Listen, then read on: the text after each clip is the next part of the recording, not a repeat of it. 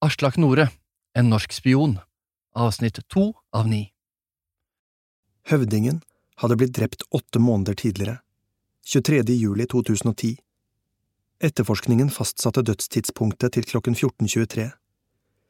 Vi var på oppdrag i nærheten av landsbyen Gormach Bazar, i Bagdis-provinsen i Afghanistan. Noen minutter tidligere hadde vi satt oss i bilen. Jeg skulle til å kjøre av gårde, men høvdingen stoppet meg. Han kjente området best. Istedenfor å kjøre rett bortover hovedgaten, tok høvdingen inn på noen mindre veier og kjørte sikksakk, før han svingte ut på hovedveien akkurat der bebyggelsen sluttet og lunden med frukttrærne begynte. Noen småfugler lettet mot den disige grå himmelen. Frukttrærne hadde blader bleket av solen.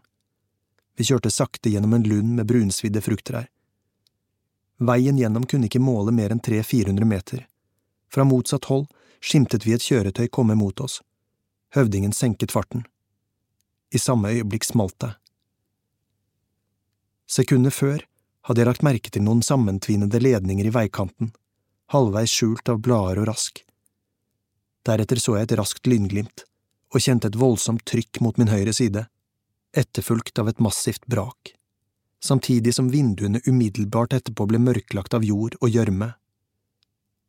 Jeg stirret på høvdingen. Både armer, mage og underliv var dekket av blod. Han satt urørlig i setet. Jeg grøsset av tanken på høvdingens lik og boret ansiktet ned i puten i fortvilelse. Jeg hadde alltid hatt sovehjerte til å falle i søvn hvor og når som helst. Etter høvdingens død hadde det forandret seg. Følte meg som en jævla krigsseiler, for i likhet med dem er det ikke selve kampen som tærer på deg i krig, den kan man trene på å gardere seg mot. Det er uvissheten som knekker deg. Få timer senere sto jeg igjen foran inngangen til Al-Safa-parken. Klokken var ti på fem. Den lave ettermiddagssolen og en behagelig bris gjorde luften klarere og sikten bedre. Fem på. Glade stemmer snakket syngende urdu og farsi rundt meg. Klokken ble fem. Dagen før hadde Reza kommet presis. Nå ble klokken fem over. Ti over. Han var ikke å se. Da det var gått 20 minutter, kontaktet jeg Kåre, som plukket meg opp på samme sted. Jeg slengte meg ned i passasjersetet. Reza har ikke kommet, sa jeg. Klokken var snart halv seks. Gi han litt tid, svarte han. Noe er galt. Tror du han forsøker et dobbeltspill? Nei, svarte jeg betenkt. Kan være alt mulig.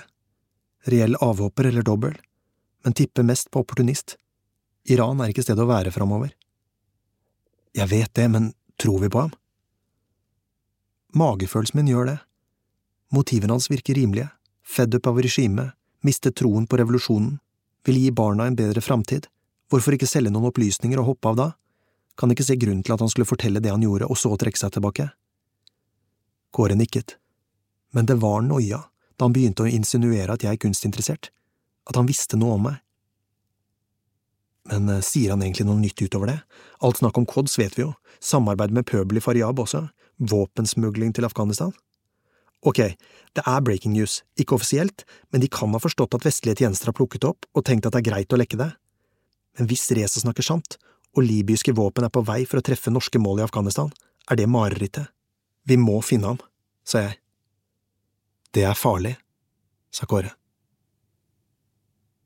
Vi kjørte fort til Albustan Rotana, hotellet der vi visste adressa var innkvartert. Rotana betydde frukthage på arabisk, men det var ikke særlig mye grøde i mils omkrets.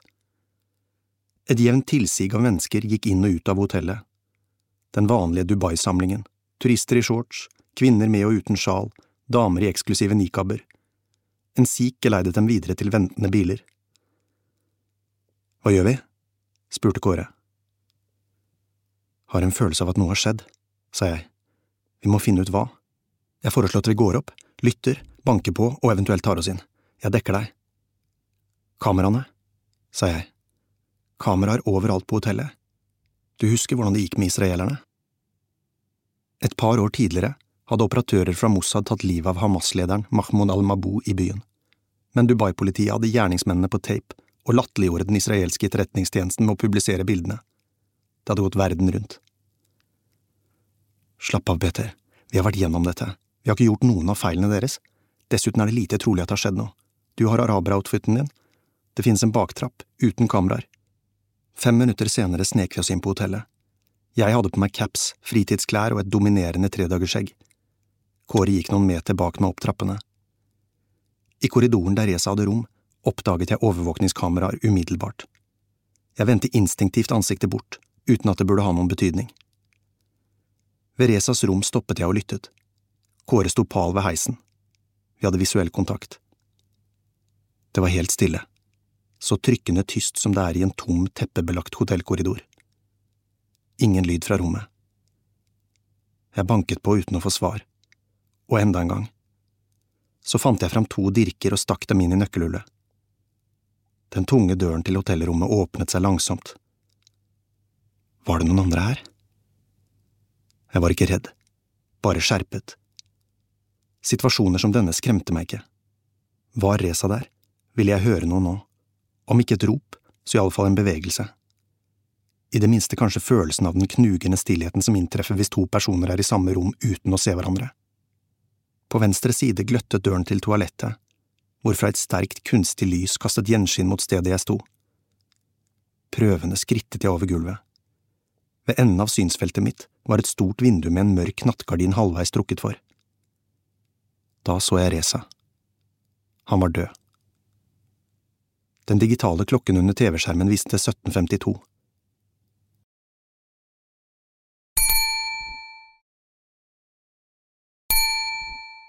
Det siste dagslyset strømmet inn mellom glippene i gardinene. Reza satt i ørelappstolen i det innerste hjørnet av rommet. Hodet hans hadde duppet vagt bakover, munnen var åpen, kinnene innsunkne. Selv om døden hadde gitt huden hans et blekt og hvitaktig skjær, så jeg umiddelbart at det var ham. Som med andre døde, var det noe distinkt fugleaktig ved ham, som om fravær av liv forsterket dette, en morbid, reversert evolusjon der vi vender tilbake til fuglenes rike etter vår død. Det mest påfallende med ham var at han var iført en blå amerikansk baseballcap, liksom tredd nedover hodet hans. Den sto liksom tilfeldig på skeive. Lynraskt sjekket jeg rommet og badet. Ingen mennesker. Ingenting annet enn femstjernershotellets dyre tekstiler og diskré belysning. Ved sengen sto en åpen, svart Samsonite trillekoffert. Jeg satte meg på huk og rotet systematisk gjennom. Selvsagt var det ingenting av verdi der. Ingen PC, ingen pad, ingen mobil. Drapsmannen måtte ha tatt det med seg. Kom, Peter! Jeg visste at Kåre hadde rett. Dette var Dubai, der det lokale politiet hadde spist Mossad til frokost. Vi burde komme oss til helvete vekk. Likevel klarte jeg ikke å frigjøre meg fra synet av åstedet. Reza satt så fredfullt som bare en død mann kan gjøre. Jeg tenkte på familien hans. Jeg skjøv tanken raskt tilbake. Reza var død. Vekket det noen følelser i meg? I utgangspunktet ikke. Han var informant, ingen venn. Jo. Fokus jeg hadde merket mens vi tok oss inn, gled umerkelig over i frykt, undertrykt av situasjonens alvor. Og jeg kjente noe annet. Hvordan skyldfølelsen kom tilbake. Noen hadde drept ham, sannsynligvis på grunn av det han hadde fortalt meg. Det var min skyld at Reza døde. Det hadde vært min skyld da høvdingen døde. Jeg var en dødens fergemann. Hvem hadde drept Reza? Iranske sovende agenter? Betalte indiske eller pakistanske leiemordere? På vei tilbake til slumbyene utenfor Dubai, der ingen ville finne dem? Den tanken ble fortrengt av noe annet. Kanskje capsen noen hadde satt på ham var for opplagt. Iranerne hadde brukt det symbolet når de drepte opposisjonelle i Europa, men det var på 80- og 90-tallet. Det var lenge siden. Kanskje var det ikke iranerne i det hele tatt som sto bak, men hvem var det da? Kom, for helvete! hveste Kåre ved utgangen. Jeg kastet et siste blikk over rommet, sjekket at jeg ikke hadde lagt igjen noen spor. Vi tok baktrappen ned. Jeg kontaktet ledelsen på nødlinja. Jeg skrev en kryptert melding til vår overordnede og ventet på svar. Det kom fort. Oslo ba oss avvente nærmere ordre. Helvete, sa Kåre og jeg i kor. Vi fikk betalt for kunnskapen om hotellets planløsning. Raskt, men fattet småløp vi ned baktrappen. Fra døråpningen der vi nå sto, kunne vi se hotellets lobby. Til venstre i synsfeltet vårt var heisinngangen. Ser du? hvisket Kåre. Ved heisen sto to menn kledd i olivengrønne skjorter, kryssende røde bandolær og mørkegrønne bæreter. Dubai-politiets uniform. Jeg lukket øynene. I Dubai kunne folk sitte inne i årevis for besittelse av piller som leger i Vesten hadde skrevet ut. Hva da med oss?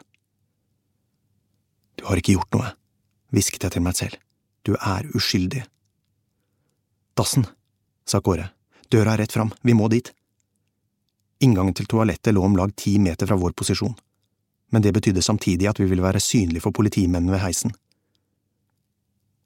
Det er ingen kameraer, i det minste, hvisket Kåre. Vi venter, sa jeg. I neste øyeblikk åpnet heisdøren seg med et klang. Et eldre europeisk ektepar, trolig pensjonister, tuslet over gulvet mellom oss og lobbyen. Fra trappen vi hadde kommet, lød raske skritt nedover. De kom i vår retning. Vi er omringet, tenkte jeg. Politimennene så seg rundt. Endelig gikk den første inn i heisen. Nå, hvisket Kåre. Vent! Jeg holdt ham igjen. Den andre politimannen snudde seg mot døråpningen der vi sto. Han ser oss, tenkte jeg. Game over. Politimannens blikk sveipet en siste gang over lobbyen. Så gikk han inn i heisen. Vi smatt over gulvet. I neste øyeblikk sto vi inne på toalettet, lysstoffrørene framhevet urenheten i huden. Det var tomt her inne. Vi smatt inn i et avlukke, kunne høre Kåres pust ved siden av meg. Det luktet desinfeksjonsmiddel der inne. Se på denne meldingen, sa Kåre med en stemme som lød kald og mekanisk. Jeg holdt opp telefonen og leste gjennom meldingen. Så leste jeg den en gang til. Det var en melding merket rød kode, for det aller verst tenkelige. En europeisk mann var etterlyst. Politiet i Dubai måtte ha forandret prosedyrer. De var allerede på åstedet. Vi skulle ikke foreta oss noe annet enn å vente. Ta noen dager på stranda, lød meldingen. Idioter, hveste Kåre. Ikke faen om jeg blir sitting duck her. De skjønner ikke at vi er stuck på hotellet, hvisket jeg. Vi må ut av byen. Hva slags pass har vi? spurte Kåre. Jeg har et tyrkisk, svarte jeg. Kåre rotet nede i utstyrsvesken. Han trakk opp et fremmed pass et jeg aldri har sett. Ivana, sa han. Hvorfor har du Ivanas bosniske pass? Jeg visste ikke at hun hadde det engang. Du mener ikke at du skal sjekke inn med Ivanas pass, er du helt ute? Ivana er på konsulatet, men vi kan ikke ta sjansen på å snakke med henne nå, ledelsen tar seg av det, vi kan ikke bli her, Peter, og jeg skal ikke være Ivana Lukic i passkontrollen. Jeg skal være henne på veien gjennom politisperringene ut av hotellet. Kåre virket nesten rolig mens han hvisket planen til meg. Hvordan skal du gjøre det? Kåre dro opp en mørk tekstil av bagen. Jeg har en nikab og damestøvletter. Del av combat-kitten. Det får funke hvis vi blir stoppa. Du er den tyrkiske ektemannen som snakker bra, men ikke feilfri arabisk. Vi skal ut av hotellet, forstår du? Jeg nikket. Nå er det en fordel av små føtter stønnet Kåre som dro på seg et par røde kvinnestøvletter inni det trange avlukket. Men ikke brede skuldre, sa jeg. Røde støvletter og svart nikab, den var ny. Vi kom oss ut av toalettet uten å bli oppdaget. Jeg gikk raskt to skritt foran ham, slik skikken var for fundamentalister. Kåre hadde utrolig nok tillagt seg en kvinnes ganglag. I hotellfoajeen var stemningen anspent, det var sikkert ti politifolk der inne. Jeg kunne høre summingen fra politifolkenes intercom. Et par ambulansefolk fra Røde Halvmåne trillet en båre gjennom foajeen. Ved utgangen ble vi stoppet av en bredbeint mann. Han var tydeligvis høyt oppe i systemet. Jeg gjenkjente ham, generalløytnant Dani Kalfan Tamim, mannen som hadde ledet etterforskningen av Mossad. Salam aleikum. Wa alaikum salam, sa jeg, og forklarte så rolig jeg maktet at min kone var syk. Deretter viste jeg ham passet. Og din eh, kones pass? Med tuppene på de svarte hanskene så vidt synlige under det svarte ermet, rakte Kåre fram det bosniske passet. Ivana Memedovic Lukic, leste politimannen. Hun er bosnisk, understreket jeg på min improviserte tyrkisk-arabisk. Vi møttes da jeg kjempet den hellige jihad i Bosnia. Hun lider nå. Måtte Allah stå henne bi. Han gransket passet. Tiden stoppet opp. Han talte inn i intercomen, fikk svar. Jeg forsto ikke hva som ble sagt. Så nikket han, liksom over den ene skulderen. Vi ble stående forsteinet et halvsekund. Så skyndte vi oss av gårde. Jeg sjanglet gjennom utgangen mot taxiholdeplassen, av lettelse. I taxien ut til flyplassen vekslet vi ikke et ord. Det føltes ikke riktig. Utenfor avgangshallen stoppet sjåføren, jeg ga ham rikelig med tips. Fy faen, gispet Kåre da vi hadde kommet ut. Vi må til Kabul. Om Reza snakker sant, er det dit missilene skal. Hachem sa dessuten at han skulle til Afghanistan, sa jeg. Vi kan snakke med ham der. Men vi har ikke billetter. Det kjøper vi i skranken, og drit i Hachem. Dette handler om noe annet. Rezas ord gjenlød i hodet. Stopper du ikke missilene her, ser du dem igjen, om tre uker, når de rettes mot dine egne. 13. april. Tanken på dem der hjemme gjorde meg kald. Én ting var et tredagers frilansoppdrag i Dubai, noe helt annet var å reise videre til Afghanistan. Jeg burde vært på vei tilbake til Europa nå. I stedet skulle jeg østover. Vi måtte til Kabul, bare der kunne vi ha noen som helst sjanse til å finne våpen og stanse angrepet. Inne på flyplassen snek Kåre seg inn på toalettet og skiftet. Vi småløp til Terminal 2, den skitne og uglamorøse delen av flyplassen, der flyene med destinasjoner som Basra, Peshawar og Mogadishu kjørte fra, og Kabul. Kåre kom seg med på den første av to fly til Afghanistan. Jeg ventet. Hadde noe jeg måtte gjøre før jeg dro.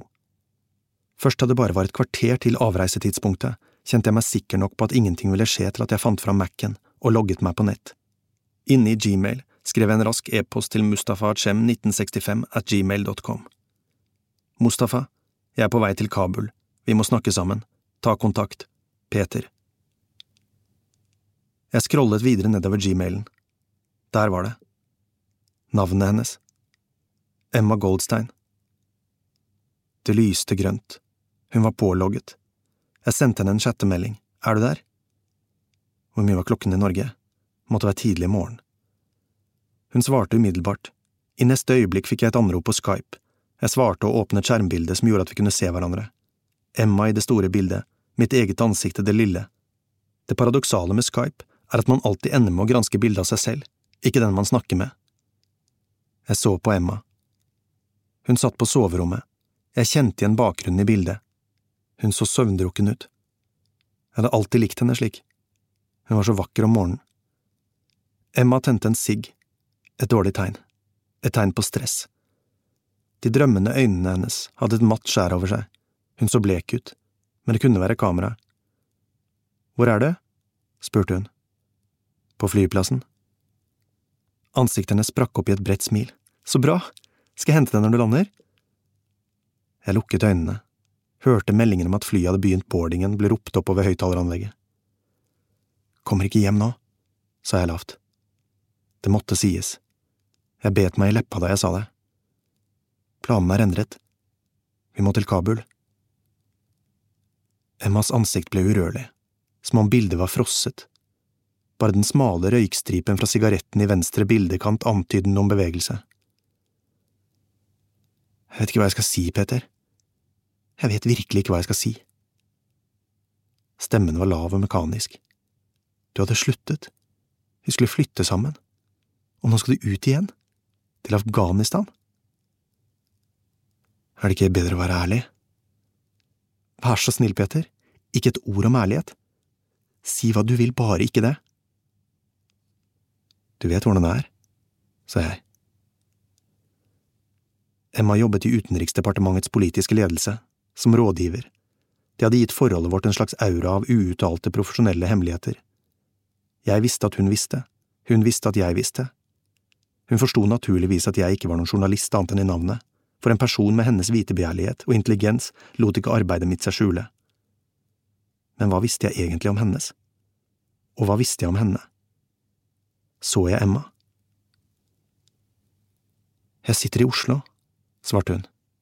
I dag har jeg jobbet sent, vært på Bikram-yoga, spist fiskegrateng og sett to episoder av Downton Abbey mens jeg irriterte meg over at vaskemaskinen ikke fungerer og at naboen driller i veggen. Gjør han det fremdeles? Ja, han gjør det, men det jeg sier er seriøst. Rezas ord dukket opp igjen. Teheran liker dårlig hva Norge driver på med i Vest-Afghanistan, det politiske spillet, dialogen med folkene der. Jeg visste at Emma og de andre jobbet med det. Jeg visste ikke hva det betydde, men noe ved tanken gjorde meg urolig. Last call for flight 36 to Kabul, spraket over høyttaleren. Må løpe, ringer så snart jeg vet noe mer, love you, sa jeg. Mener det jeg sa, svarte Emma. Jeg også. Så var det over. Bildet forsvant. Jeg gjenkjente følelsene fra tidligere oppdrag. Forholdet vårt var i ferd med å bli en evig Skype-samtale. Det var like intimt som nettporno, som en Facebook-chat. Bare nettet knyttet oss sammen. Vi så oss selv, ikke hverandre. Flyet var fylt av hardføre hjelpearbeidere, et par overvektige diplomatfolk og bola ekssoldater i kontraktøruniform, kakebukser, flis og ørkenboots.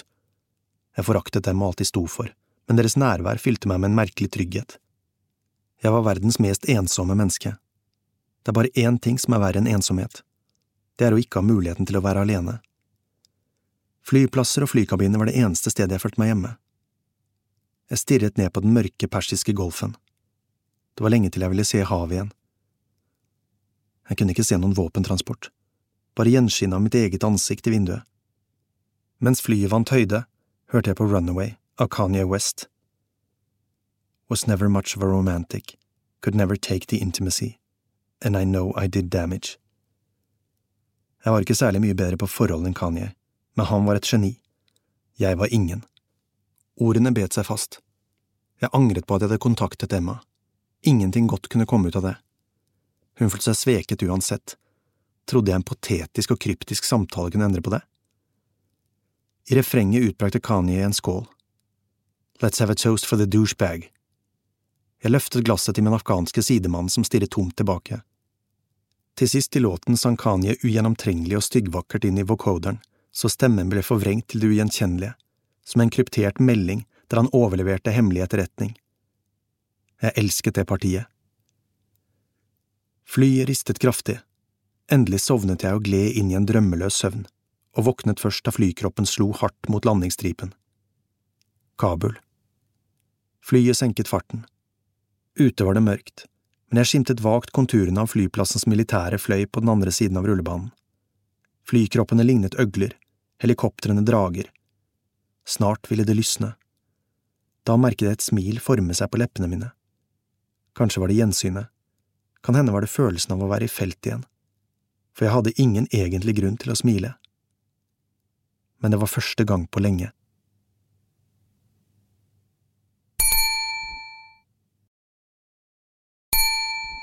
Silkeveien Andre del Kapittel 1 Kabul 18. mars 2011 I luftlinje er distansen mellom Dubai og Kabul 1686 kilometer. Hvis Rezas informasjon var riktig, hadde våpnene forlatt Emiratene kvelden i forveien. De ville nå den iranske havnen i Bandar e Abbas omtrent samtidig som jeg landet i Kabul. Fra havnen gikk veien ca 500 km nordover til byen Kerman, som Reza hadde snakket om. Deretter var det om lag samme distanse til den afghanske grensen, lengre hvis de skulle til Herat, langs den gamle Silkeveien. Det var en silkevei til helvete. Så lenge de befant seg på iransk territorium, var det ingenting vi kunne gjøre. Det ville gi oss et tidsvindu til å finne smuglerne som skulle frakte missilene over grensen. Vi måtte lokalisere dekkhuset de skulle bruke. Jeg måtte finne Mustafa Achem. Det snødde da jeg landet, og snøfnuggene blandet seg med den forurensede luften på en måte som fikk den til å virke grå, alt før den traff bakken. Jeg dro den lette trillekofferten gjennom ankomsthallen. Ute var det tussmørkt. På den militære siden av flyplassen ruset en jetmotor. Lukten av brensel og eksos slo mot meg. Det var lukten av Kabul. Jeg hadde glemt den. Nå vendte den tilbake. Det afghanske mobilnettverket hilste meg velkommen med en tekstmelding.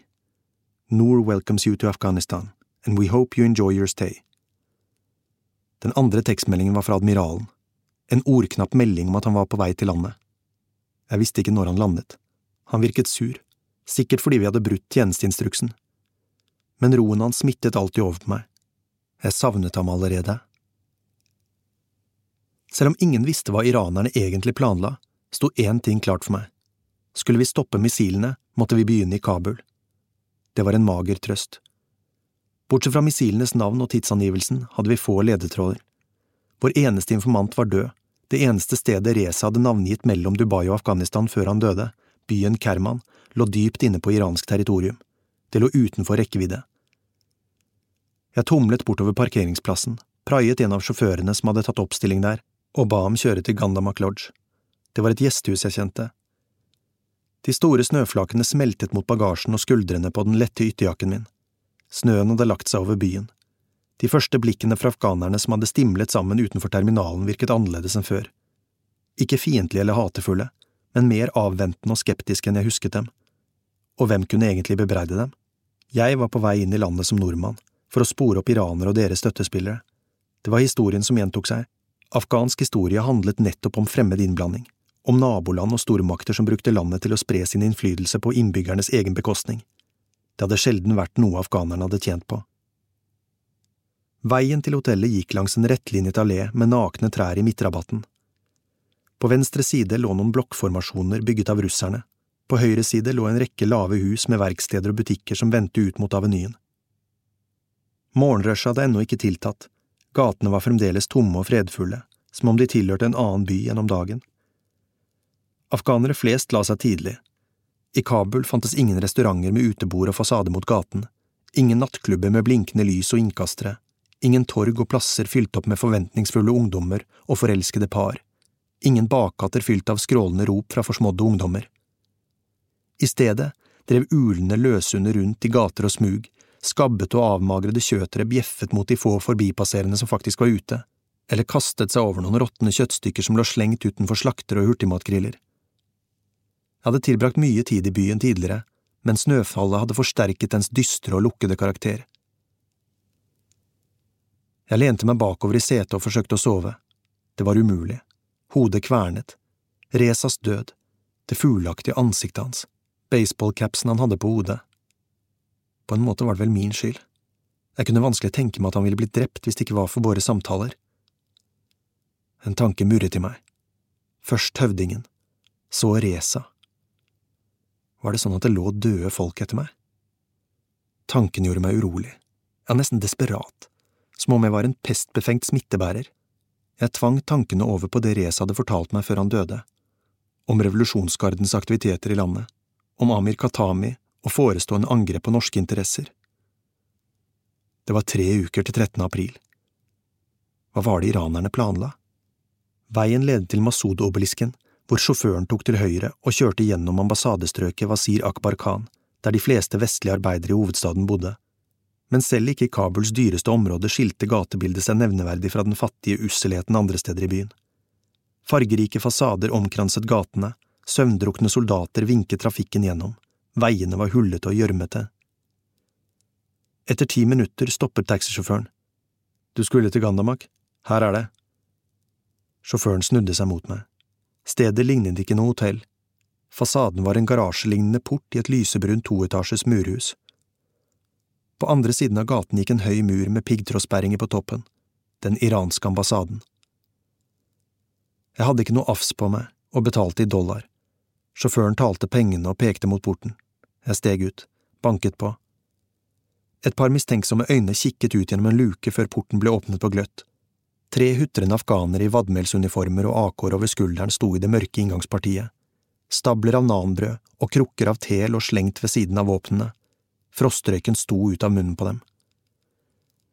Etter jeg fortalte mitt ærend, ransaket de meg og slapp meg gjennom til en ny sluse, som ledet ut på gårdsplassen utenfor gjestehuset. Inne i gangen virket det nesten tomt. Stemmen min gjenlød som et ekko da jeg ropte hallo. Veggene var dekorert med jaktrifler, våpenskjold, koloniale kart fra Royal Geographic Society og bilder av de viktigste aktørene under de afghansk-britiske krigene på 1800-tallet, sir William Elphinston, Alexander Bukhara Burns, Dost Mohammed, Akbar Khan. Jeg blåste frostrøyk inne i gangen. Murveggene og steingulvet var så kalde at de virket gjennomfrosset av vinteren som tundra. En ung afghaner med glattkjemmet hår og sennepsbrun blazer kikket fram fra bakrommet. Jeg presenterte meg. Aha, det var du som bestilte på nett i går kveld? Han førte fingeren over gjestelistene. Er det første turen din til Afghanistan? Innehaveren ønsket tydeligvis å konversere. Jeg ville bare få nøkkelen. Nei, jeg har vært her noen ganger før. Fint land, vakre fjell, gjestfrie mennesker. Dårlige tider, sa mannen. Nå la jeg merke til hvor godt han snakket engelsk, med distinkt amerikansk aksent. For fem år siden ble dette stedet anbefalt i New York Times, og nå… Jeg ba om å få se rommet. Han fant fram en nøkkel og førte meg bort gangen. Rommet var stort med stukkatur, et massivt eikeskrivebord og en herskapelig sprinkelseng midt i rommet. Jeg gikk inn i den hustrige og innestengte luften, takket mannen og slengte tingene fra meg. Jeg var overtrøtt, men kom ikke til å få sove jeg visste ikke heller om jeg ville. Tankene på Reza Og Emma ville komme tilbake da. Jeg dusjet i kaldt vann, følte meg bedre, så kledde jeg på meg. Om et par timer skulle jeg møte Kåre. Vi måtte legge en plan. Vi måtte begynne jobben. Jeg tok til høyre ved porten på Gandamak og gikk på fortauet nedover mot parken i Sharinav, noen kvartaler unna. Det hadde lysnet, men snødde fremdeles lett. Dieselstanken lå blytung over bilkøene. De eneste fotgjengerne jeg kunne se var noen unge hazara-gutter med opphovnede bare føtter og sandfluebitt i ansiktet. Guttene summet rundt meg mens de tigget om penger. Det var blitt et slags nullføre som gjorde at leiren på fortauet blandet seg med slapset som en slags legering. Skoene mine var blitt ugjenkjennelig møkket etter bare et par hundre meter. Det var kaldt. Jeg hutret. I det første krysset tok jeg til høyre, forbi innkjørselen til den gamle hippiegaten Flower Street og turistgaten Chicken Street, der teppeselgerne så bedende på meg.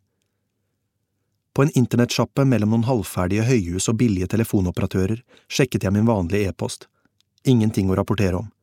Hachem hadde ikke svart. Sharinav betydde nybyen. På et gatehjørne kjøpte jeg noen klær. Europeere som ville gå i ett med omgivelsene i Kabul, fløy ofte rundt i lang sjalvar kamis og tjukt skjegg. Det fungerte kanskje på bygda, men skulle du virkelig kle deg som en urban middelklasseafghaner, måtte du ikle deg en billig, mørk skinnjakke i Sky og falske merkeklær. Jeg så meg i speilet. I tillegg til jakken hadde jeg funnet et par stramme piratkopierte Levi's og en stripete genser med merket Gucci på brystet. Nå var jeg korrekt ekvipert, men håret var for langt, og jeg burde få barbert meg. I en liten frisørsalong pekte jeg på bildet av Cristiano Ronaldo på veggen, og mitt eget hår, et tegn frisøren umiddelbart forsto, for i alle land jeg hadde vært i, fra Balkan til Sentral-Asia, forsøkte alle unggutter å ligne portugiseren iallfall de som ikke var religiøse. Jeg fikk meg lett hockeysveis og tynt trimmede cottiser. Til sist la frisøren et lag olje over håret mitt. Hva var det? spurte jeg. Olivenolje, svarte frisøren. Mitt ytre var nå så likt en afghaner som jeg kunne klare. Det ville gi meg arbeidsro, iallfall for en stund. Avtalen med Kåre var om 20 minutter, nede ved Shamshira-moskeen i Kabul sentrum. Tanken på å se ham gjorde meg glad. Eksosen holdt på å kvele meg, så jeg tumlet inn på en fruktstand og kjøpte en mangojuice som jeg drakk på styrten. Så praiet jeg en taxi. Langs veien hadde gateselgere satt opp sine skur som solgte tekstiler, frukt og grillet kjøtt. På den andre siden av gaten lå forfallen karrebebyggelse med enstjernershoteller, reisebyråer og Nordmobiloperatører i første etasje. Fasadene måtte ha vært hvite en gang, nå var de nesten svarte av skitt og eksos. Kabuls innbyggertall var tidoblet på 20 år, hvordan skulle vi klare å finne noe i dette kaoset? Trafikken hadde stoppet helt opp ved Haji Abdur Rahman-moskeen da Kåre ringte. En liten endring i planene, vi har en ting vi må gjøre før vi gjør noe annet, du skjønner det når vi kommer dit. Dit? Be sjåføren kjøre til den britiske gravlunden, møter deg der. The British Cemetery lå nord i sentrum, mellom Sherpur og Wasir Akbar Khan. En tung treport ledet inn i en lund omgitt av høye murer. Mellom de nakne frukttrærne, de spredte korsene og halvveis gjengrodde gravstøttene kunne jeg skimte navnene på folkene som lå gravlagt der. Britiske offiserer fra de afghanske krigene på 1800-tallet, eksentriske etnografer og antropologer som hadde tilbrakt hele sitt liv i landet, hjelpearbeidere som var blitt drept etter 2001. Og der var Kåre. Se på deg, dust, Peter, hvordan går det? Kåre klappet meg på hodet. Det heter dost, og det er pashto. Jeg skjønner ikke det. Dust, dost eller dost, uttalen er vel ikke så vittig? Hvis det betyr venn, er jeg kommet til at det må bety makker også. Noen menn gikk hånd i hånd forbi oss. Pashtons makkertjeneste, sa jeg. Har du sovet godt, forresten? sa Kåre. På mitt hotell er standarden så lav at gulvet er mykere enn senga. Hvorfor valgte du et sånt møkkasted? Stolte på sjåførens anbefalinger. Ja, det er bondefangeri, jeg vet, sa Kåre men jeg dro ned på Serena i sted, for å snuse litt, plukke opp rykter og slarv. Serena hotell, stedet utenriksminister Støre og hans følge ble angrepet i 2008, var Kabuls beste hotell. Det var også en av byens beste ryktebørser, alltid fylt opp av vestlige journalister og hjelpearbeidere. Ord for dagen, reconciliation, fortsatte Kåre. Dialog, forsoning. Før var det nesten bare nordmenn som snakket høyt om den type politikk. Nå gjør alle det samtaler med Taliban, bla, bla, bla. at man må snakke med de moderate delene av opprørsbevegelsen, som om noen vet hvem de egentlig er. Det er problemet til britene og amerikanerne. Du kan i beste fall inngå en avtale med en eller annen Taliban-leder i fjellene, men han har ikke nødvendigvis makt til å overholde avtalen han har inngått. I stedet kommer det noen nye mullaer på motorsyklene sine og gjør det motsatte av hva den dialogvennlige opprørslederen har sagt, og da er du like langt. Eller man har tatt et skritt tilbake. Det hadde sluttet å snø. Temperaturen hadde steget med sikkert ti grader siden jeg landet. Høres kjent ut. Noe nytt om de norske fredskanalene? Ja, møtte en New York Times-dame, kjente henne litt fra før og kjente saken. Etter en kaffe, eller en grønn te i hennes tilfelle, innrømmet hun at hun hadde snakket med den norske ambassaden off the record. Bakgrunnssamtaler med ambassadøren og et par andre folk. De tilbyr sånne ting til utvalgte reportere. Poenget er jo at fredsdialogen er så avhengig av hvilken del av Afghanistan du befinner deg i. Kåre markerte anførselstegn med begge hendene. Er du i sør og øst, må du ta Pakistan med i beregningen. Er du i nord og vest, som Norge, må du tenke på iranerne. Norge driver på med en eller annen khan oppe i nordvest, Abdul Khan. Ikke noen stor hemmelighet, det der, da hadde hun garantert ikke sagt noe, men Abdul Khan er visst nøkkelen til fred oppe i Norges provins. Norges provins, hør på hva vi står og sier, det er latterlig. Det er ham UD beiler.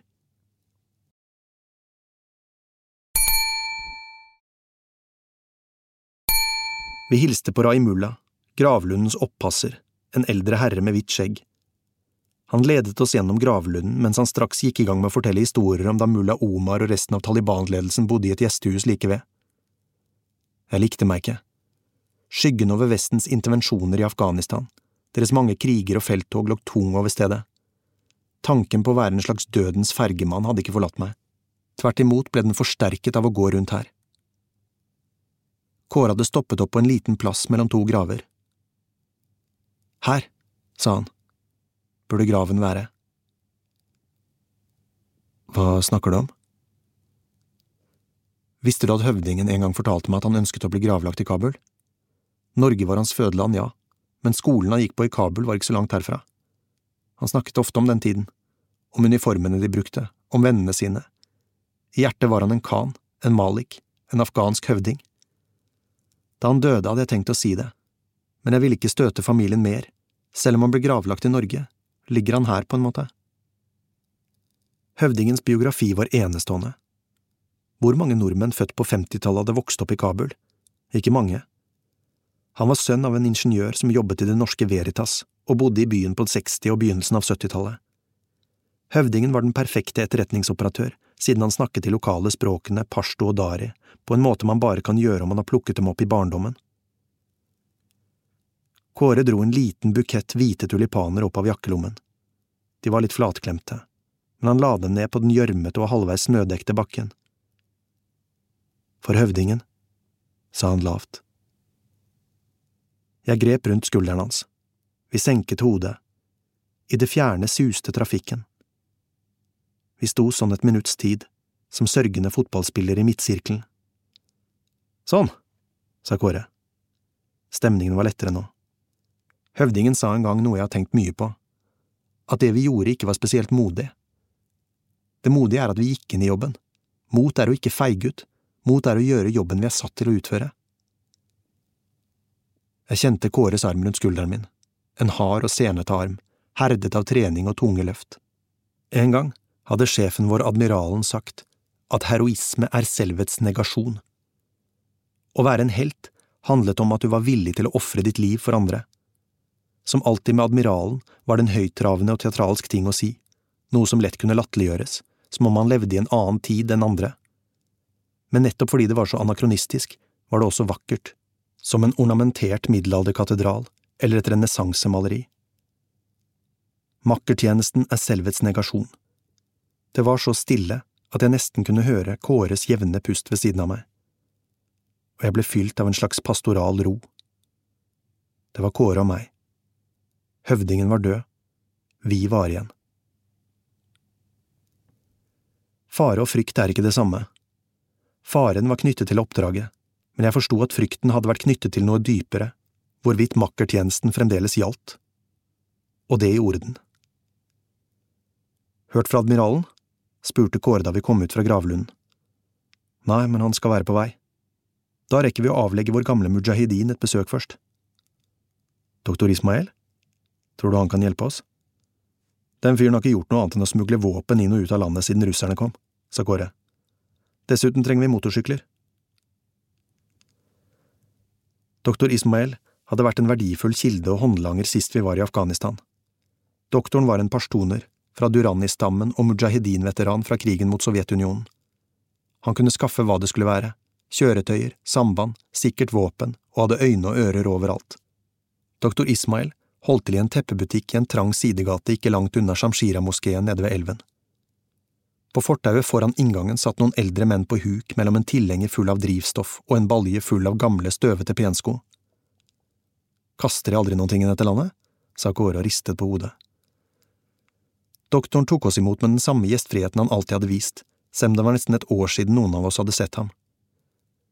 Mr. Kåre, how are you, my son? sa han og kysset ham tre ganger på kinnet. Hvor har dere vært, gutter? Chomachetor, hvordan går det med deg, doktor? Husker du min gamle venn Mr. Peter?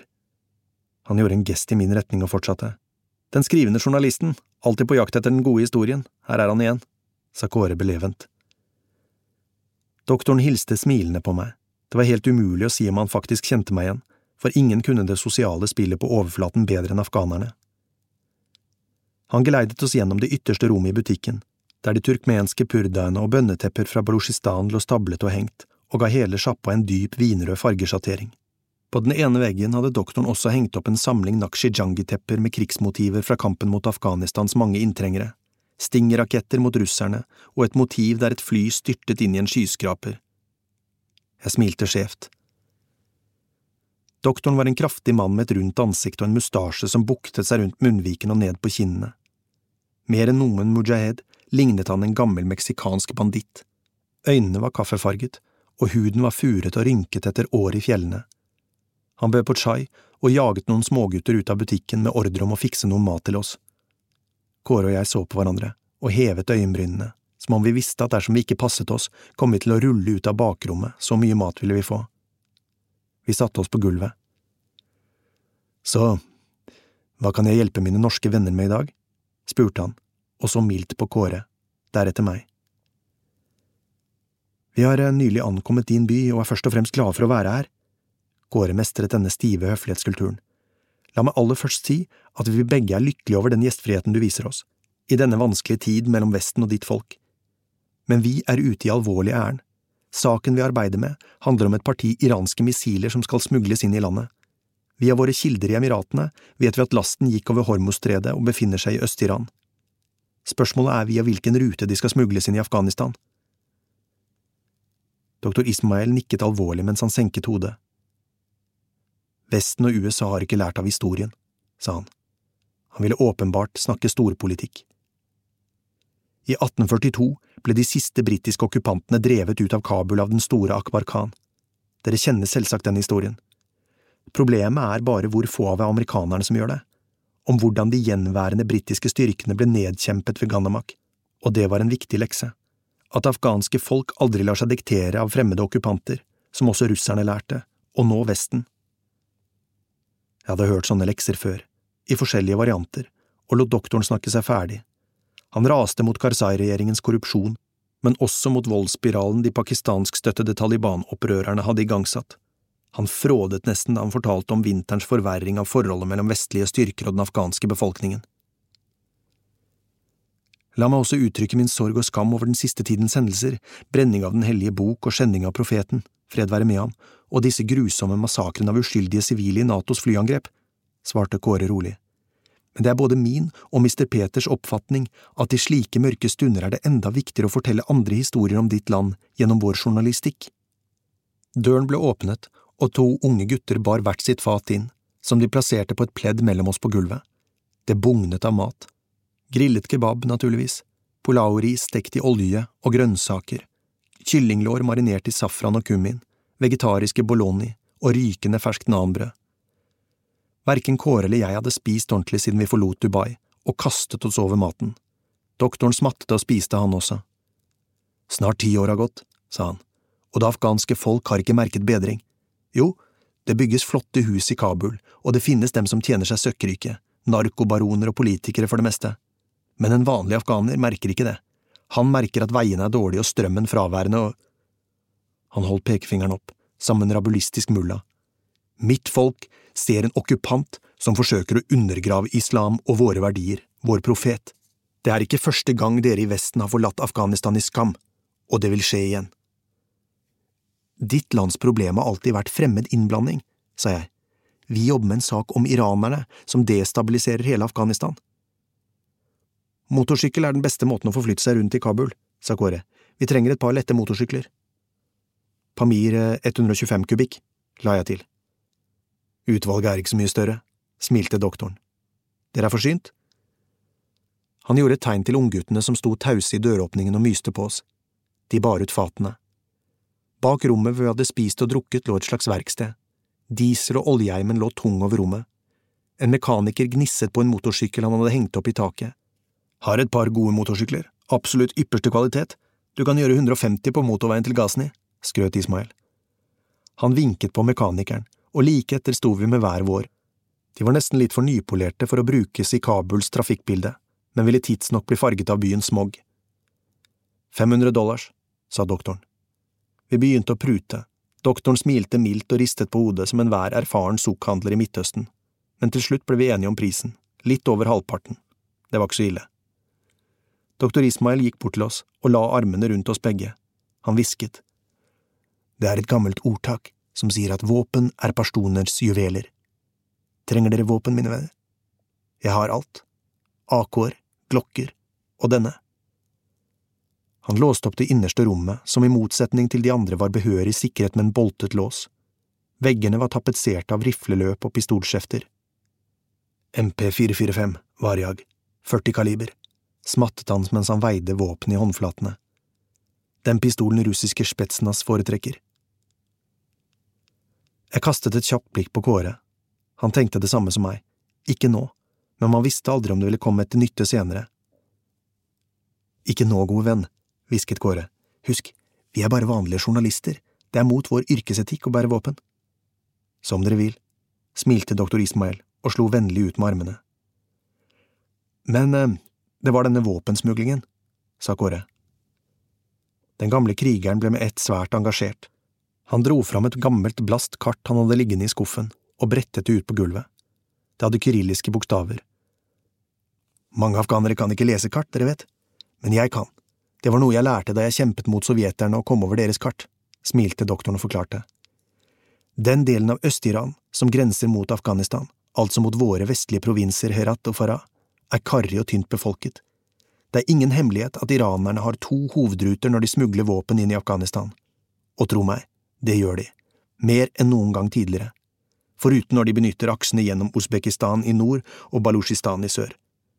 Den sørlige ruten går gjennom Farah, den er vanskelig å overvåke, men ikke så mye brukt, bortsett fra om våpnene skal til slagmarken i Helman eller Kandahar i sør.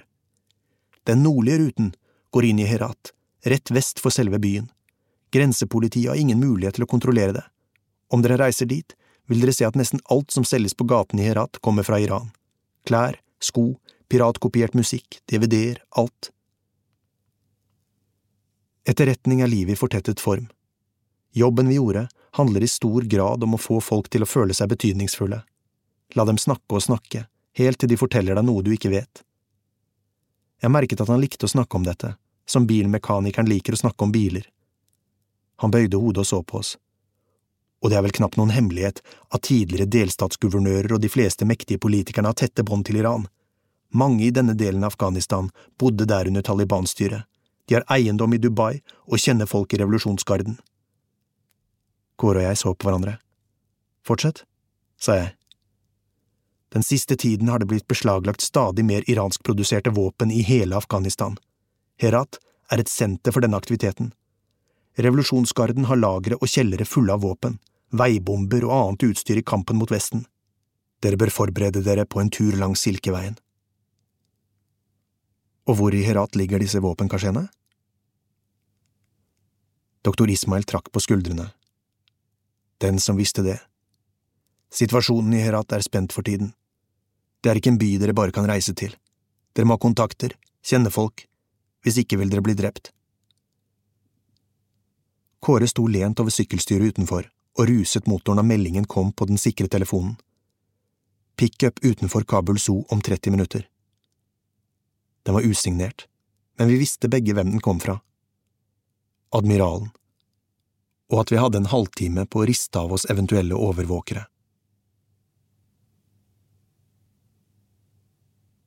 Kapittel 2 Kabul 18. mars Vi fulgte noen enkle prosedyrer for kontraovervåking og traff admiralen utenfor dyrehagen. Han førte oss til en hvit Toyota med purpurrøde gardiner foran sidevinduene. Afghan-style. Vi kjørte til det norske dekkhuset som lå sør i byen, i bydelen Carte Essé. Ikke langt unna strakte den brede Darul Aman-avenyen seg i en rett linje mot det utbombede palasset med samme navn. Huset hadde tilhørt en velstående afghansk forretningsmann og var skjermet for innsyn med høye murer. Bygningene var delt i to, én til hver kone. Veggene var dekket av afghanske nips, miniatyrmalerier og isfahan-tepper. I dekkhusets kjeller, bak en boltet jerndør, lå operasjonsrommet. Luften var dårlig der nede, og lyset kunstig, men veggene var dekorert med skjermer, lerreter og satellittbilder. Admiralen satte seg i foroverlent positur ved enden av bordet, med hendene foldet under haken. Den sølvgrå manken var fremdeles tykk, men skjegget var blitt hvitere siden første gang vi møttes. De himmelblå øynene hadde fått den gamle manns glassaktige blasshet over seg, omringet av diagonale rynker og skyggelagte poser. Men ellers så han godt ut, huden var sunn og lett solbrun, bevegelsene kjappe og målrettede. Hvordan har du fått i stand dette på så kort tid? spurte jeg. Vi vet å ta våre forholdsregler. Admiralen var slett ingen admiral, selv om han hadde bakgrunn fra Sjøforsvaret. Biografien hans var innhyllet i hemmelighold. Jeg visste at han kom fra en mellomstor stasjonsby på Østlandet. I tillegg til offisersutdannelsen var han utdannet psykolog. Da han kom inn i tjenesten på slutten av den kalde krigen, ble han ansett som begavet, om enn en livsfjern drømmer og fantast. Mulighetene hans kom rundt år 2000, mens den norske etterretningstjenesten tidligere hadde spesialisert seg på signaletterretning fra lyttestasjoner i Nord-Norge, oppsto et akutt behov for menneskeetterretning. Norge var en humanitær stormakt. Norske soldater løste oppdrag i verdens konfliktområder. Norske selskaper ble stadig mer internasjonaliserte. Det var den politiske bakgrunnen for at fredstunet ble opprettet, men det lå et ubehagelig psykologisk aspekt i utvelgelsen hans. Alle operatørene, høvdingen, Kåre, Ivana og jeg, kom fra oppløste familier. Vi var uetablerte, vi hadde lite å tape. Admiralen visste det. Han ville ha det sånn. Fredstunet var blitt en slags familie, med han som en slags farsskikkelse som sektleder. Hva er siste nytt fra Afghanistan-fronten? spurte jeg. Ja, det går som det går, til helvete. Alle vet det, men få våger å si det. Generalene sier at 2011 blir det decisive year, akkurat som de sa om 2010 og 2009. Hva ellers skal de gjøre? Akkurat nå er tusenvis av soldater ute på oppdrag, i Helmand, i øst, i Kandahar, i Faryab. Tapre unge krigere. Innen dagen er omme er flere av dem døde. Skal man fortelle kameratene eller familiene hjemme at de ofret livet for ingenting? For i praksis er det akkurat det de gjør. Han kastet et raskt blikk på meg. Det er derfor jeg trives i tjenesten. Vi kan si ting som de er. Vi har aldri trengt å lyve i dette spørsmålet. Det må være det eneste, sa jeg. Admiralen svarte ikke. Som alltid var han velkledd, en dyr hvit skjorte, en grå britisk røkejakke, kordfløyelsbukser og lave, håndsydde brune sko. Kåre satt urolig ved andre siden av bordet. Hva skjedde egentlig i Dubai? spurte admiralen.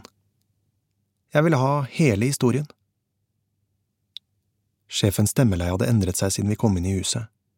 Til vanlig var den ettertenksom og forståelsesfull. Nå var den kald og hard, helt uten den spørrende intelligensen som preget ham til daglig. Admiralen så ut i luften. Verken Kåre eller jeg sa noe. Dere forvolder en informants død. Deretter får dere et ettertrykkelig beskjed om avvent i Dubai. Tror dere vi sender ut disse meldingene som velmenende råd? Meldingene er basert på minutt for minutt etterretning på stedene vi har folk, prosessert av våre beste analytikere. Det er vår livlinje til våre operatører, det er ordre! Han trakk pusten. Vi tok et valg, sa jeg. Når du befinner deg i en situasjon som vi var i der, må du ta beslutninger på sparket.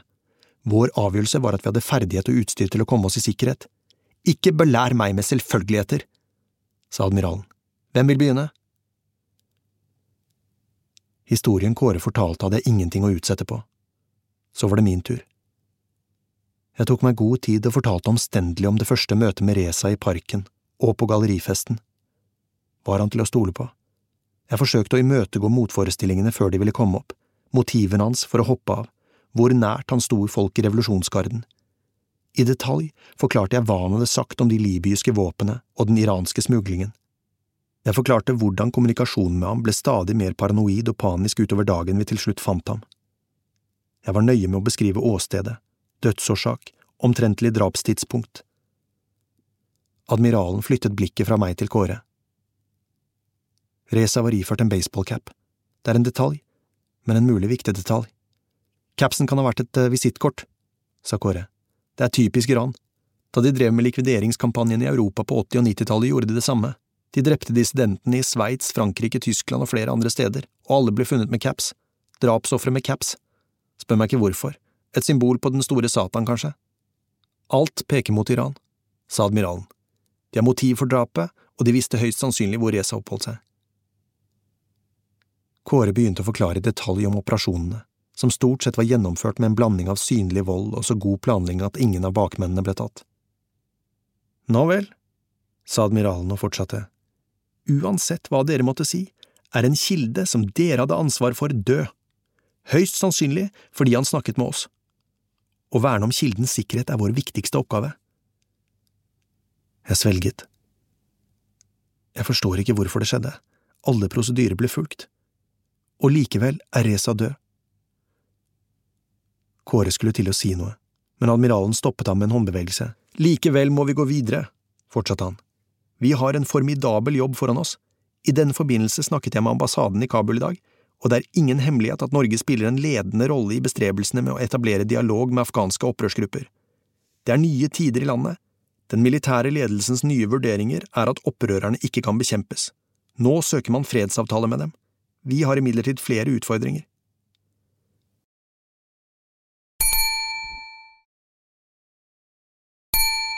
Han reiste seg og tok et par lange skritt rundt bordet. Problemet, fortsatte han, er at det gjeldende sikkerhetsregimet i Afghanistan vanskeliggjør uortodoks dialog med de forskjellige aktørene i landet. Da jeg var i Afghanistan i 2002, var det i praksis terra incognita. Vi kunne bevege oss og gjøre som vi ville. Vi kunne kjøre upansrede biler gjennom Helman og Ghazni mens vi slo av gemyttlige samtaler med landsbyens eldre. Nå er saken en helt annen. Ja, situasjonen har forandret seg bare det siste året, siden dere sist var her. Én ting er at det er farligere, en annen ting er at afghanernes egen etterretning er sterkere inne. Vi må opptre forsiktig, ellers er helvete løs. Men vi må ha resultater.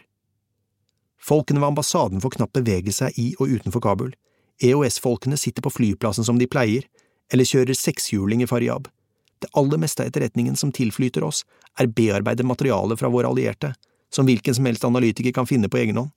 De minner om ansatte i offentlig sektor. De er ansatte i offentlig sektor, skjøt Kåre inn. Admiralen overhørte ham og fortsette. Et parti missiler, navn SA-18 Igla, å finne dem og avverge et mulig angrep er vår eneste jobb. Vi vet ikke eksakt hvor mange, men vi kan gå ut fra at antallet er begrenset, for å vekke minst mulig oppsikt. På Natos kodespråk heter de Grouse. Det heter de mellom oss også, fra nå av. Samme som første del av Vemork-aksjonen, sa jeg. Den delen som gikk til helvete, sa Kåre. Jeg redegjorde for hva doktor Ismail hadde fortalt om rutene gjennom Farah og Herat, om de iranske våpenkasjeene i byen. Det var i tråd med admiralens antakelser. Takk, Peter, avbrøt han. Trusselen er reell. Dessuten er alle livredde for hva Iran vil finne på dersom det blir bombing. Det er grunn til å tro at de vil bruke revolusjonsgarden til å angripe mål i sine nærområder, steder der vestlige styrker er utplassert. Irak er et slikt sted, men det er færre vestlige soldater der enn det var. Da står Afghanistan igjen. Vi har to muligheter, sa jeg. Det ene er å komme i kontakt med smuglerne som frakter transporten inn. Fordelen med det er at da lokaliserer vi missilene direkte. Ulempen er selvsagt å finne hvem disse smuglerne er.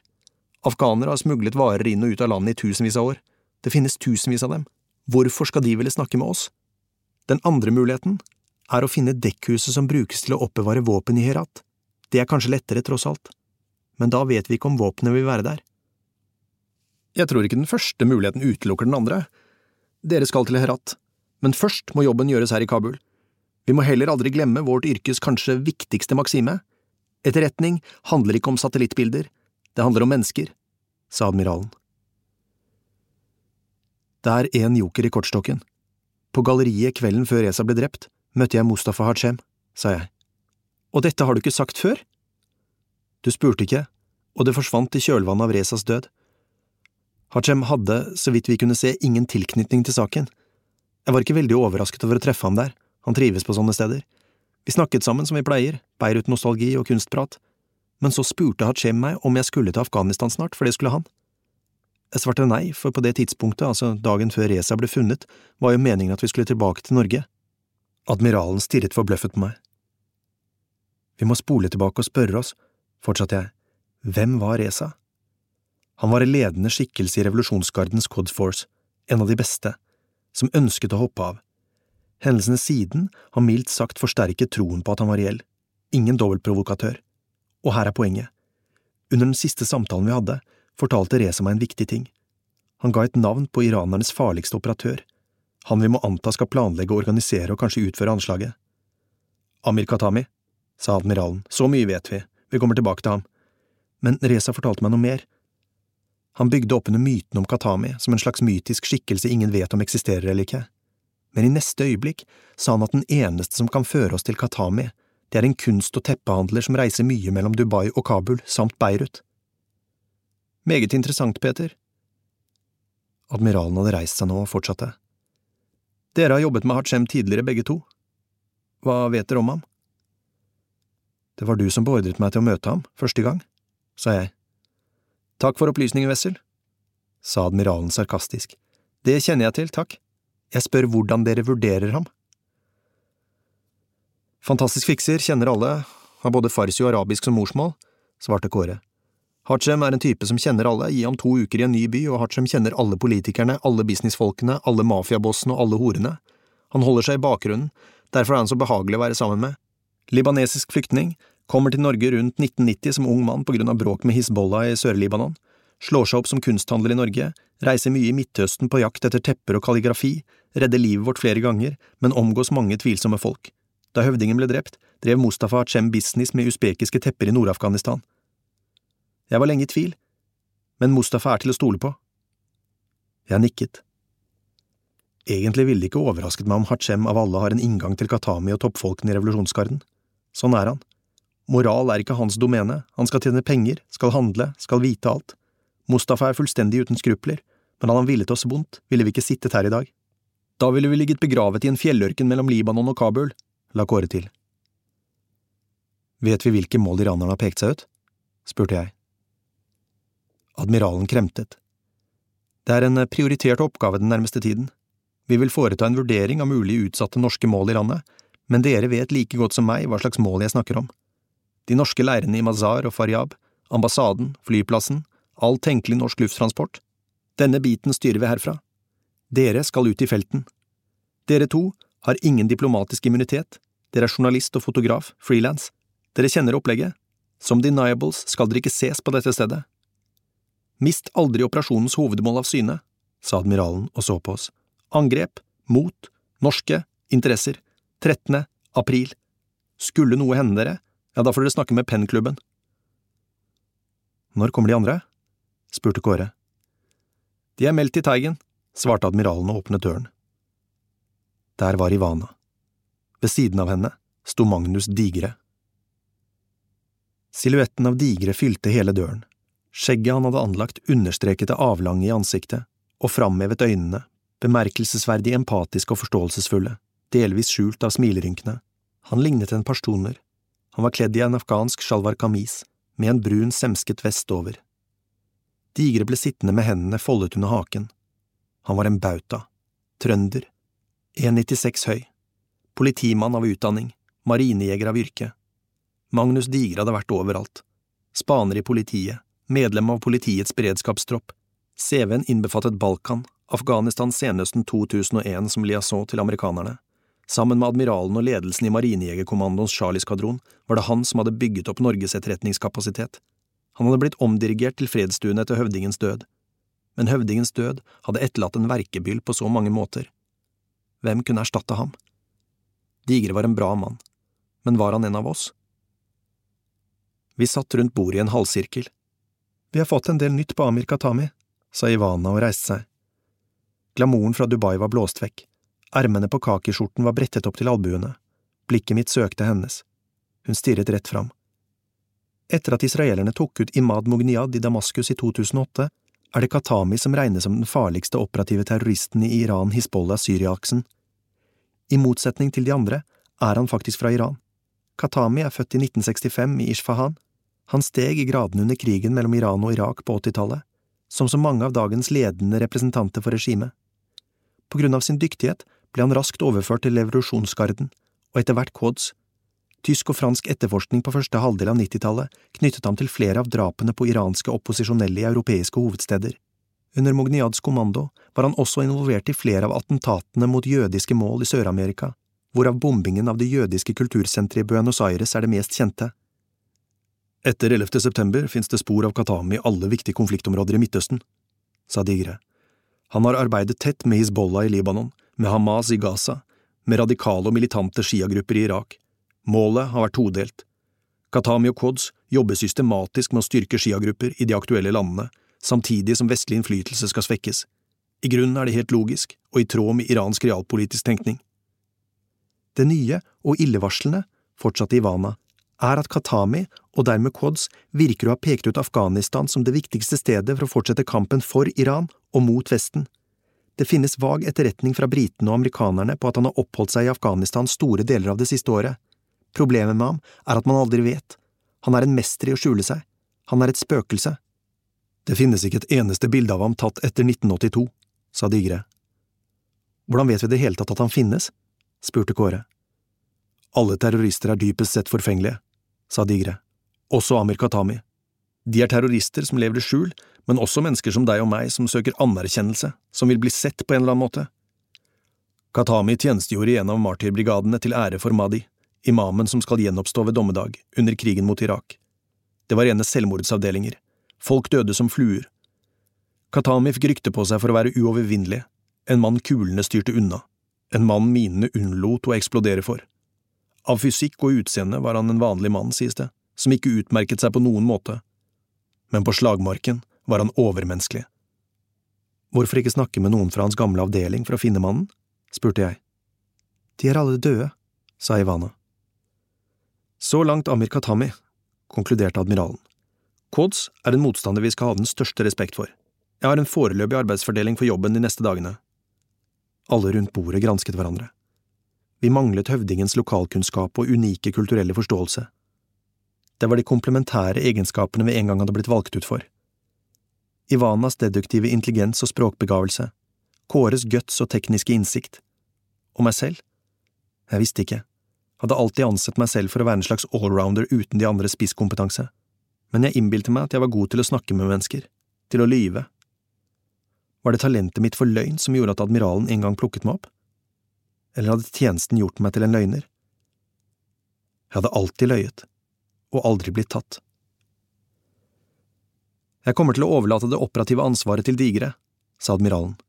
Det betyr i praksis at han kommer til å følge deres bevegelser tettest og liasonere med allierte tjenester og afghanske sikkerhetsmyndigheter. Kåre og jeg så på hverandre. Ingen av oss var forberedt på at Digre skulle lede operasjonen, at vi skulle ta regi fra en som knapt kjente oss, som ikke visste hva vi hadde vært gjennom. Digre gikk rett på sak. Ivana har to hovedfunksjoner, du skal jobbe med å systematisere opplysningene om Grouse-missilenes bevegelser, og langs hvilke akser de kan tenkes å føres inn i landet. Og du skal jobbe med å kartlegge iranernes angrepsmål 13. april. Begge disse oppgavene vil skje i nært samarbeid med våre allierte og afghanske etterretning. Ivana nikket kort. Siden Digre og hun var i landet med offisielt cover, kunne de benytte alle slags offisielle kanaler. Dere er her som journalister, gutter, sa Digre. Du, Kåre, skal ta bildene til en lengre featureartikkel som du, Peter, skal skrive. Rekker jeg det? Det vet vi ikke, fortsatte Digre. Du begynner i alle fall. Han la en bok på bordet. Imperienes kirkegård, En reise i tekst og bilder gjennom Afghanistan, Peter Wessel og Kåre Svallastoga. Hva er dette? utbrøt jeg. Det er deres livsforsikring, det beste coveret vi kunne lage til dere. Ta en titt på innbretten. Jeg åpnet boken og fant et portrettfotografi av Kåre og meg, med en tolinjers tekst om hver av oss. Peter Wessel, født 1980, er en norsk journalist. Han har studert ved American University of Beirut, AUB, og har lang erfaring som journalist fra verdens konfliktområder. Kåre Svalestoga, født 1980, er en norsk fotograf som er særlig kjent for sine naturfotografier fra den norske fjellheimen. Digre smilte. Ha med dere boka dit dere ferdes, sammen med pressekortet. Får dere mistanker rettet mot dere, skal den vises fram. De hjelper dere ikke i enhver situasjon, men bør være et godt utgangspunkt. Jeg ble stående og veie boken i hendene. Hvordan kunne Digre tro at opprørerne ville la seg overbevise av en jævla bok? Har dere ikke sikret et grundigere cover enn et enkelt smussomslag kommer vi til å slite, sa Kåre. Han satte ord på det jeg tenkte. Digre overså kommentaren hans. Dere jobber som et makkerpar, men i første omgang får dere hvert deres oppdrag. Når det gjelder deg, Kåre, fortsatte han, så har du ett eneste oppdrag, en jobb jeg tror du vil like. Du skal finne Mustafa Hachem, med alle midler vi har til rådighet. Når du har sporet ham opp, skal vi ta en beslutning om hvordan han skal føre oss videre. Vi skal finne ut om det virkelig er sånn at Hachem sitter med nøkkelen til å finne kodesoperatørene. Kåre hevet øyenbrynene. Det var ganske riktig en jobb han kunne like, men jeg stusset over Digres valg. Det var tross alt jeg som kjente Hachem best. Og så var det deg, Peter. Alles blikk ble rettet mot meg. Fiksere er en blanding av gribber og lytteposter i vår tids konflikter, sa Digre. Praktisk talt alle vestlige journalister i krigsområder som Irak og Afghanistan bruker fiksere. Fiksere vet ofte mer om hva som foregår enn de beste etterretningsanalytikerne. Jeg vet hva en fikser er, sa jeg. Jobben blir å rekruttere en kilde som kan gi oss informasjon, som kan lede oss til missilene, under påskuddet av at du trenger en fikser. Navnet er Mirwai Zayed, født i 1982 i Ghazni Afghanistan. Kom til Norge i 1992, en svært begavet gutt, videregående med toppkarakterer, Statens kunstakademi, dessverre også problem med alkohol og rusmidler. Flyttet tilbake til Kabul i 2005 for å få orden på livet sitt. Det klarte han, men bare delvis. Han har en meget interessant bekjentskapskrets i Kabul, fra ambassadefolk og etterretningsfolk til afghanske mafialedere. Digre stoppet opp. Mirwais skal bli vår informant.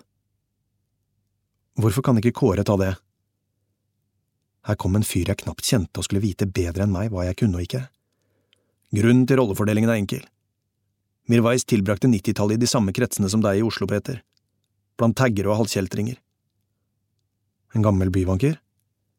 Du skal få all bakgrunnsinfoen du trenger, så får du ta deg rekrutteringen selv. Men la meg si det sånn, Mirwais er en følsom og kunstnerisk anlagt ung mann, ganske talentfull også, visstnok, som har rotet det til for seg. Mer enn noe annet vil han bli sett. Han ønsker å være viktig. Og det skal du gjøre ham. Den biten skal gå greit, tenkte jeg. Se på dette, avbrøt Digre. Han åpnet en konvolutt og slang noen bilder på bordet foran oss. Bildene var i svart-hvitt. På vei inn i et gammeldags kjøpesenter, sittende i passiar med en annen mann over en kaffe. Mirwais, sa trønderen, på sitt stamsted i Kabul. Jeg gransket bildene. Mirwais så ut som en vanlig urban afghaner i slutten av tjueårene kort, velstett hår gredd bakover, svart skinnjakke, trange, mørke bukser og matchende sko. Han var temmelig sikkert velstående etter afghanske standarder. Han eh, ser mye mindre sliten ut enn jeg trodde, sa Kåre. Periodenarkiser er ofte sånn, sa jeg. Fasaden er ekstremt viktig, de må ikke vise omverdenen at de bruker dop. Se på T-skjorta hans. Den var så vidt synlig under Mirvais skinnjakke på bildet. Ser du hva han har på seg? Nei, T-skjorte med merke til VIF-klanen. Alle lo. Jeg avbrøt likevel den oppstemte atmosfæren som plutselig hadde lagt seg over rommet. Jeg liker allerede Mirwai Sayed og er sikker på at vi blir gode venner, sa jeg med et glatt smil. Men det er én ting du ikke har fortalt. Hvordan skal en norsk-afghansk blandingsmisbruker med Vålerenga-drakt lede oss til den iranske revolusjonsgarden? Et godt spørsmål, sa Digre. Jeg glemte å fortelle at Mirwais tidvis har store økonomiske problemer, ikke så underlig egentlig, gitt hans forbruk av rusmidler. Han slengte et annet bilde på bordet foran oss, kornete, tatt på lang avstand. Det viste Mirwais og en annen mann i forsetet på en lastebil. Dette bildet er tatt rett over grensen mellom Iran og Afghanistan i Herat. Mirwais er ikke bare en dagdriver, han er også en smugler. Han kjenner denne virksomheten inngående, selv om han bare er soldat i et stort system av smuglere. Mirwais har en kontakt, han heter Omar Beg, han er en mann på deres alder, en av de viktigste smuglerne i det vestlige Afghanistan. Vi tror han er i Kabul for tiden. Jeg vil at Peter finner Mirwais og lar ham være veien vår til Beg. Husk, Peter er journalist, Kåre er fotograf. Dere er vågale lykkejegere og levemenn som holder til i Kabul for å finne det store scoopet. Under påskudd av å skrive en stor sak om narkosmugling må dere få Beg til å snakke med dere. Anonymt. Det er få dager til missilene krysser grensen til Afghanistan, sa jeg oppgitt. Det tar lang tid å etablere fortrolighet hos en kilde, uker, måneder, kanskje år. Det tar lang tid å rekruttere. Hvordan skal vi klare det på så kort tid? Fordi, sa Digre, du ikke skal rekruttere Omar Begg, du skal intervjue ham. Det er ikke umulig, en fransk journalist gjorde det i fjor. Når dere er i kontakt med Begg, må dere finne ut hvor missilene smugles og eventuelt plasseres. Begg vil vite det, han kjenner Iran, han kjenner deres våpentransporter over grensen, han kjenner Herat, og han snakker med dem som kan tjene hans sak. Digre stirret på oss. Og dere skal være ubevæpnede. Ingen håndvåpen, ingen kniver, det eneste dere skal ha, er dette. Han dro opp en liten boks Red Bull. Dette er en røykgranat. Ingen politifolk vil se to ganger på denne. Skulle dere havne i trøbbel, legg røyk, det er et godt prinsipp. Alt er forstått? Forstått, sa vi. Admiralen hadde sittet stille under hele presentasjonen. Nå reiste han seg. Kåre og jeg kikket umiddelbart på hverandre. Han skulle holde tale. Kåre himlet med øynene. Jeg smilte tilbake.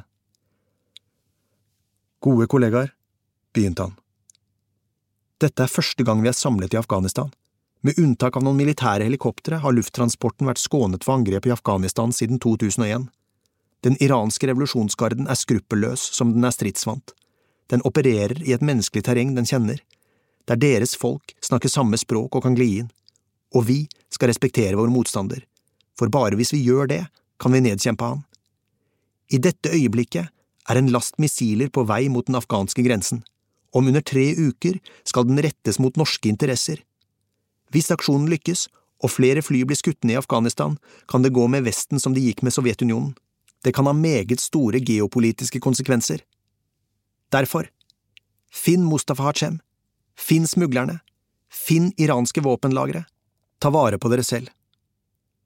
Som den store Churchill sa det, in wartime, truth is so precious that she should always be attended by a bodyguard of lies. Glem aldri det større bildet, grunnen til at vi kjemper, for vår konstitusjon, for Norge.